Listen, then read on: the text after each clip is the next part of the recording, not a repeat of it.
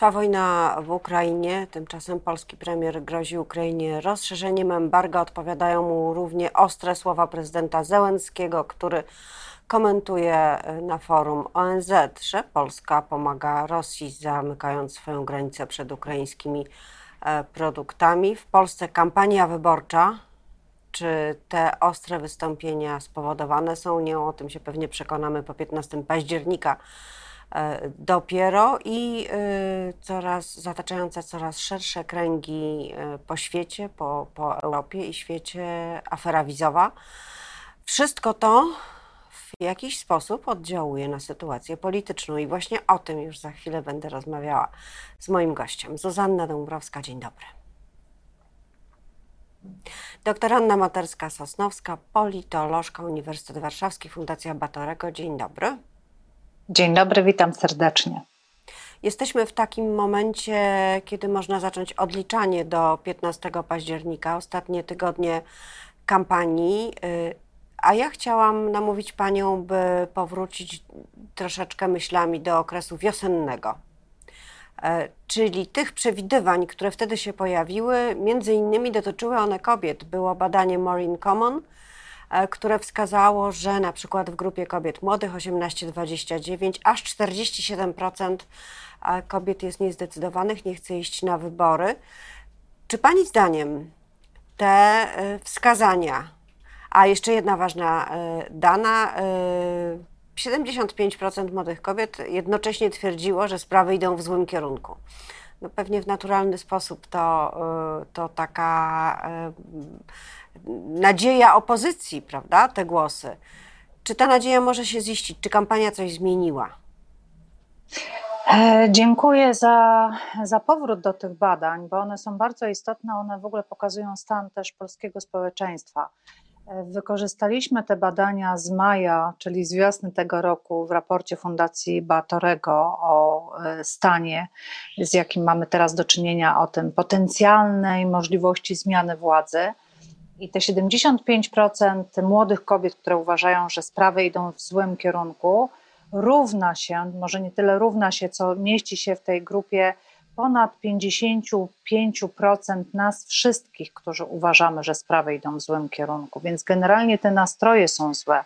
I to, co przebija na pierwszym miejscu z taką zdecydowaną przewagą, to jest drożyzna. I ta drożyzna dotyka nas tak, do, do, tak nas dociska, że faktycznie to determinuje też i nastroje, i inne takie postrzeganie innych e, spraw.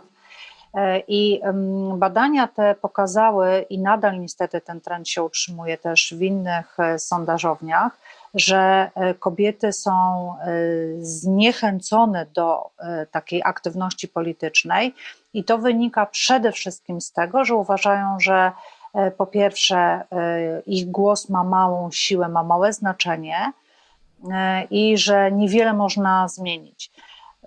Z czego to wynika? A to wynika między innymi, zwłaszcza wśród tej najmłodszej grupy, że po pierwsze o polityce się roz, nie rozmawia, kobiety nie rozmawiają o polityce, jeżeli się nią nie zajmują. To, to, to jest po pierwsze, ale po drugie to, są, to jest to stłumienie rewolucji 20 e, roku. Czyli strajku kobiet, czyli masowych protestów, przypomnijmy, po e, werdykcie Trybunału Konstytucyjnego, który de facto zlikwidował przesłankę pozwalającą na legalne usunięcie ciąży wynikającą z ciężkiej, nieusuwalnej wady płodu. To, to, była, to, to, to jest jedno, co spowodował. Inne no to są niestety też doprowadził z taką rozbudowaną klauzulą e, sumienia u lekarzy, doprowadził do tych e, niepotrzebnych e, śmierci młodych kobiet w szpitalach, już będących w ciąży. To są te przypadki, z którymi mieliśmy do czynienia w ostatnim czasie. I drugim takim, a wcześniej patrząc historycznie, takim aspektem, który też wpłynął, na taką, a nie inną postawę kobiet, to, są, to były strajki y, nauczycielek i nauczycieli. Czyli chcę powiedzieć przez to, że tam, gdzie są sfeminizowane zawody, jest y, lekceważenie y, kobiet. E, tam, gdzie jest drożyzna, ona przede wszystkim dotyka kobiet. Ja nie mówię, że tylko, ale przede wszystkim dotyka kobiet, dlatego że to się bezpośrednio przekłada na ich nie tylko sytuację taką materialną, ale na dobrostan, na to, jak organizują życie. I ale czy opozycji takie wypychanie? Czy opozycji udaje się dotrzeć z tym komunikatem i nie tylko opozycji, bo są przecież różne akcje profrekwencyjne, między innymi także ta w której bierze udział Fundacja Batorego, wiele lokalnych organizacji. Czy w takim razie przewiduje Pani, że ten udział kobiet y, będzie no przynajmniej taki sam jak w poprzednich wyborach, a może nawet większy? Bo z drugiej strony widać, że partie właściwie wszystkie, nawet Konfederacja, w dużej mierze odrobiły lekcje. Jest bardzo dużo kobiet kandydatek. Ta średnia jest wyraźnie powyżej 40% y, kobiet na listach, więc prawie 50%. Czy coś z tego wyniknie? W moim przekonaniu tak, dlatego że oczywiście wszystkie partie e, to zauważyły. E, Prawo i Sprawiedliwość e, czy, czy Zjednoczona Prawica również kieruje taki przekaz do kobiet i podnosi kobiety i też potrafi podnieść wśród tych niezdecydowanych. Faktycznie najlepiej odrobiły tę pracę Koalicja Obywatelska i Lewica i e, po pierwsze przez nie tylko liczbę kobiet na listach, ale miejsca kobiet na tych listach, e, często wysokie i bardzo wysokie. Ciekawie na przykład wygląda lista warszawska, gdzie mamy mężczyznę, czyli lidera, potem mamy trzy kobiety i dopiero kolejny e, mężczyzna. I ta równowaga na liście jest daleko zachowana, czy też liczba jedynek, które przypadają kobietom. E, ja, ja mam trochę z tym problem, bo z jednej strony to jest e, takie, muszą być udogodnienia i ja wiem, że muszą być, bo ten start jest e, nierówny, a z drugiej strony też nie pomniejszajmy tego, że po prostu kobiety naprawdę są świetnymi polityczkami i im się należą do miejsca, im się to po prostu należało, jak to mówiła inna, inna kobieta. kobieta. I Wydaje się, e, poza tym proszę zwrócić uwagę, ile programów jest skierowanych e, do, do kobiet e, właściwie w tych głównych partiach. I to nie są tylko kwestie światopoglądowe dotyczące właśnie możliwości przerywania ciąży, tylko też poprawy jakości życia czy zrównania zrównania możliwości e, dla, dla kobiet w firmach, które one się przede wszystkim zajmują, którymi one się przede wszystkim zajmują. No Czyli także wyrównania płac. Wyrównania płac, ale droga bardzo wyrównania szans. Właśnie, trzecia droga mówi o wyrównaniu e, płac, e, Platforma mówi o wyrównaniu szans i o tych możliwościach, czy Lewica cały ten pakiet taki e, mocno prokobiecy, więc wszystko wskazuje na to i już na przykład nasze nowe badania, które będziemy publikowali w przyszłym tygodniu, one już pokazują, że to przynosi efekt. Ja myślę, że jest jeszcze jedna kwestia, że jeżeli jest taka drożyzna i są tak ciężkie warunki życia, tak ogólnie, prawda, kiedy musisz naprawdę się zastanawiać, e, jak powiązać to do pierwszego.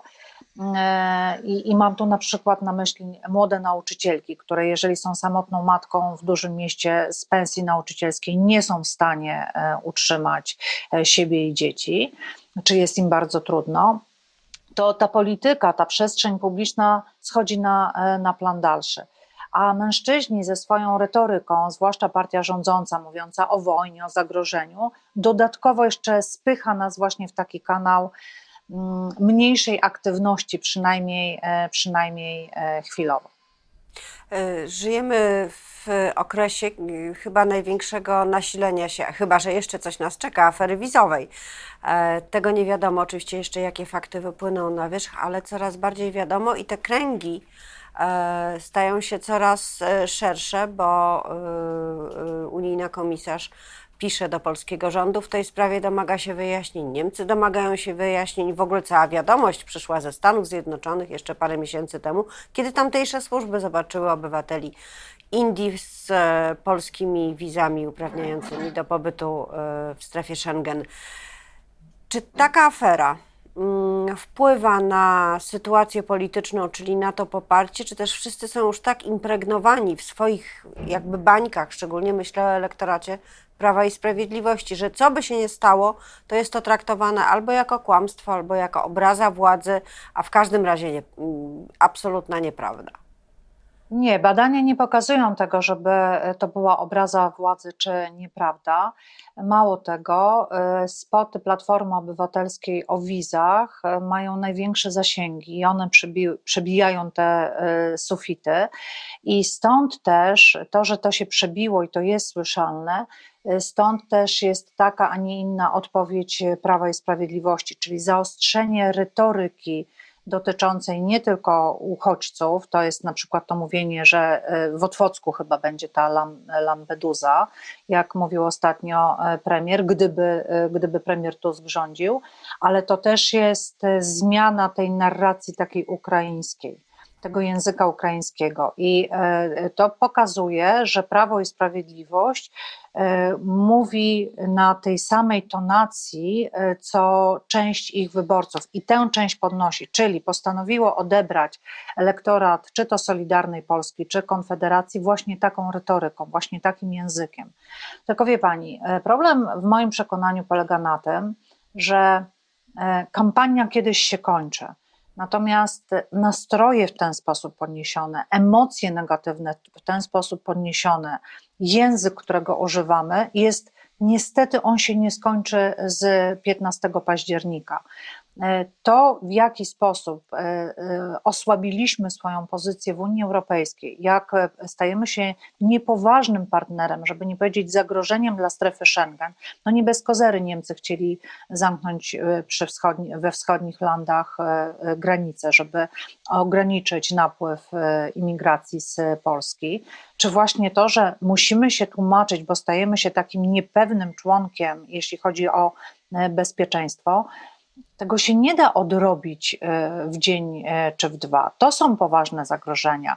E, język, jaki jest stosowany w Polsce, to co się mówi, zaczyna się mówić o Ukraińcach, zepsucie tych stosunków, to czemu się teraz na przykład dziwi Unia Europejska, co się takiego stało, że nagle z największego przyjaciela orędownika stajemy się tym atakującym, czy wręcz łamiemy E, łamiemy zasady Unii, żeby nałożyć embargo, tak? Pozostać Stało się to, że, że jest kampania wyborcza i myślę, że te nastroje i te emocje są instrumentem politycznym, który y, wydaje mi się. Jeszcze nie był do tego stopnia wykorzystywany w kampanii. To znaczy, były różne emocjonalne instrumenty, oczywiście, ale głównie dotyczyły podziałów wewnątrz Polski. A to była postkomuna, a to solidaruchy, a to, a to taki grzech jednego polityka, a to inny, e, ale było to bardzo wewnętrzne. Pierwszy raz chyba mamy tak umiędzynarodowioną e, kampanię emocji. E, czy to, myśli Pani, oddziałuje na e, wyborców niezdecydowanych. Wiemy, że to jest bardzo poważna grupa, e, zarówno kobiet, jak i mężczyzn. E, to są osoby, które po pierwsze nie są zdecydowane, czy w ogóle pójdą na wybory, a po drugie, wśród tych, które są zdecydowane, że pójdą, część nie wie, na kogo zagłosuje. Czy ten poziom europejsko-światowy może zadecydować o tym, że zostaną w domu albo przyjdą do urny? E, ja się zgadzam z całą Pani wypowiedzią i z tą skalą e, emocji, z tym właśnie umiędzynarodowieniem e, i, i, i po co jest to wykorzystywane. Szacujemy tę grupę niezdecydowanych wyborców na około 16%. Mało z nich deklaruje, że gdyby ewentualnie miało pójść, to głosowałoby na Prawo i Sprawiedliwość. I uważam, że to nie kwestia umiędzynarodowienia tych problemów, tylko kwestia strachów wywołanych tutaj, wzbudzonych tych emocji, może spowodować pójście lub nie pójście do e, wyborów. E, czyli tak, e, teraz mówię o Prawie i Sprawiedliwości. Bardzo wyraźnie widać, jak tym językiem, jak językiem zwłaszcza premiera Morawieckiego, który naprawdę posuwa się do języka bardzo mocno niedemokratycznego, mówiąc łagodnie, żeby nie używać e, innych e, określeń, ale to jest język szalenie niebezpieczny. Język, który wywołuje tak złe emocje i e, jest tak negatywny, że może doprowadzić nas tam, gdzie byśmy nie chcieli. Ja wiem, że mówię okrągłymi zdaniami, bo ja nie chcę straszyć z samego rana i, i używać nadmiernych słów, ale politycy powinni sobie zdawać sprawę, do czego to może doprowadzić. E, I e, to jest język skierowany do wyborców przede wszystkim, którzy byli przy Zjednoczonej Prawicy, czyli którzy dzisiaj albo od niej odpłynęli, albo po, chcą pozostać w domu, ale z, tej, z, tego, z tego elektoratu Zjednoczonej Prawicy. I widać, będzie skuteczny? Tak, widać, że on oddziałowuje i on podnosi tych wyborców. Kosztem, tak jak powiedziałam wcześniej, Konfederacji czy kosztem e, Solidarnej Polski. Natomiast y, patrząc na drugą stronę, y, proeuropejskość, właśnie takie dobrosąsiedztwo, niestraszenie, czy inaczej, konsekwencje wypadnięcia z tej, z tej wspólnoty, one też budzą emocje, że halo, chcę być, chcę być w Unii. I to też jest. Mobilizują. To, to jest mobilizujące i to jest widoczne też u młodych ludzi, dla których ten stan e, Unii Europejskiej jest innym stanem niż dla nas, tak? I proszę, e, proszę jeszcze spójrzmy na chwilę wstecz stosunki międzynarodowe, czy ta polityka międzynarodowa na ogół była pozytywnym, e, pozytywną emocją, tym dążeniem do NATO, do Unii, do wspólnoty. Dzisiaj polityka międzynarodowa jest wykorzystywana e, negatywnie, co wydaje się, że w przypadku wojny jest dodatkowo niebezpiecznym elementem. Chciałam jeszcze o jeden element zapytać, bo w tle tej afery wizowej cały czas e, tli się, o ile to dobre słowo, dramat e, osób, które przebijają się przez granicę e, białorusko-polską, e, uchodźców. Mówi się o tym, że to są ci, których nie było stać na to, żeby zapłacić za polską wizę firmom, które zarówno w Mińsku, jak i pod polskimi konsulatami te wizy sprzedawała, a to z kolei także wiąże się z premierą filmu Agnieszki Holland, zielona granica e, i to wywołuje bardzo radykalne wypowiedzi. Pan prezydent Andrzej Duda, będąc w Nowym Jorku, odpowiadając na pytanie, stwierdził, że nie dziwi się, że Straż Graniczna używa sloganu tylko świnie siedzą w kinie. Zbigniew Ziobro przyrównał Agnieszkę Holland do nazistowskich propagandzistów, e, którzy tworzyli filmy na potrzeby Hitlera. Jak daleko nas to doprowadzi? No to jest to, co ja mówiłam na okrągło, pani powiedziała wprost. Faszyzacja języka prowadzi do eskalacji, której nie znamy granicy, niestety. I to nie jest tylko taka, mm, znaczy słowa prezydenta to na wprost są zaczerpnięte e, z przeszłości, ale to też jest rodzaj cenzury, cenzury prewencyjnej. Więc dla zysków politycznych właśnie podnoszenia tego e, elektoratu, który może czuć niepokój, E, i widać, że to się udaje, zostają wszystkie, e, wszystkie możliwości, wszystkie chwyty dopuszczane. I tutaj jest jeszcze taka groźna rywalizacja pomiędzy Solidarną Polską ustami prokuratora tak, i ministra Ziobry, a, a PiSem i słowami prezydenta czy innych notabli pisowskich, dlatego że nie tylko prezydent niestety tak się wypowiadał. I widać wzmożenie reakcji, takie jak było widoczne w 2019 roku. To, to, to jest widoczne w sieci, to badacze sieci o tym e, mówią i pokazują.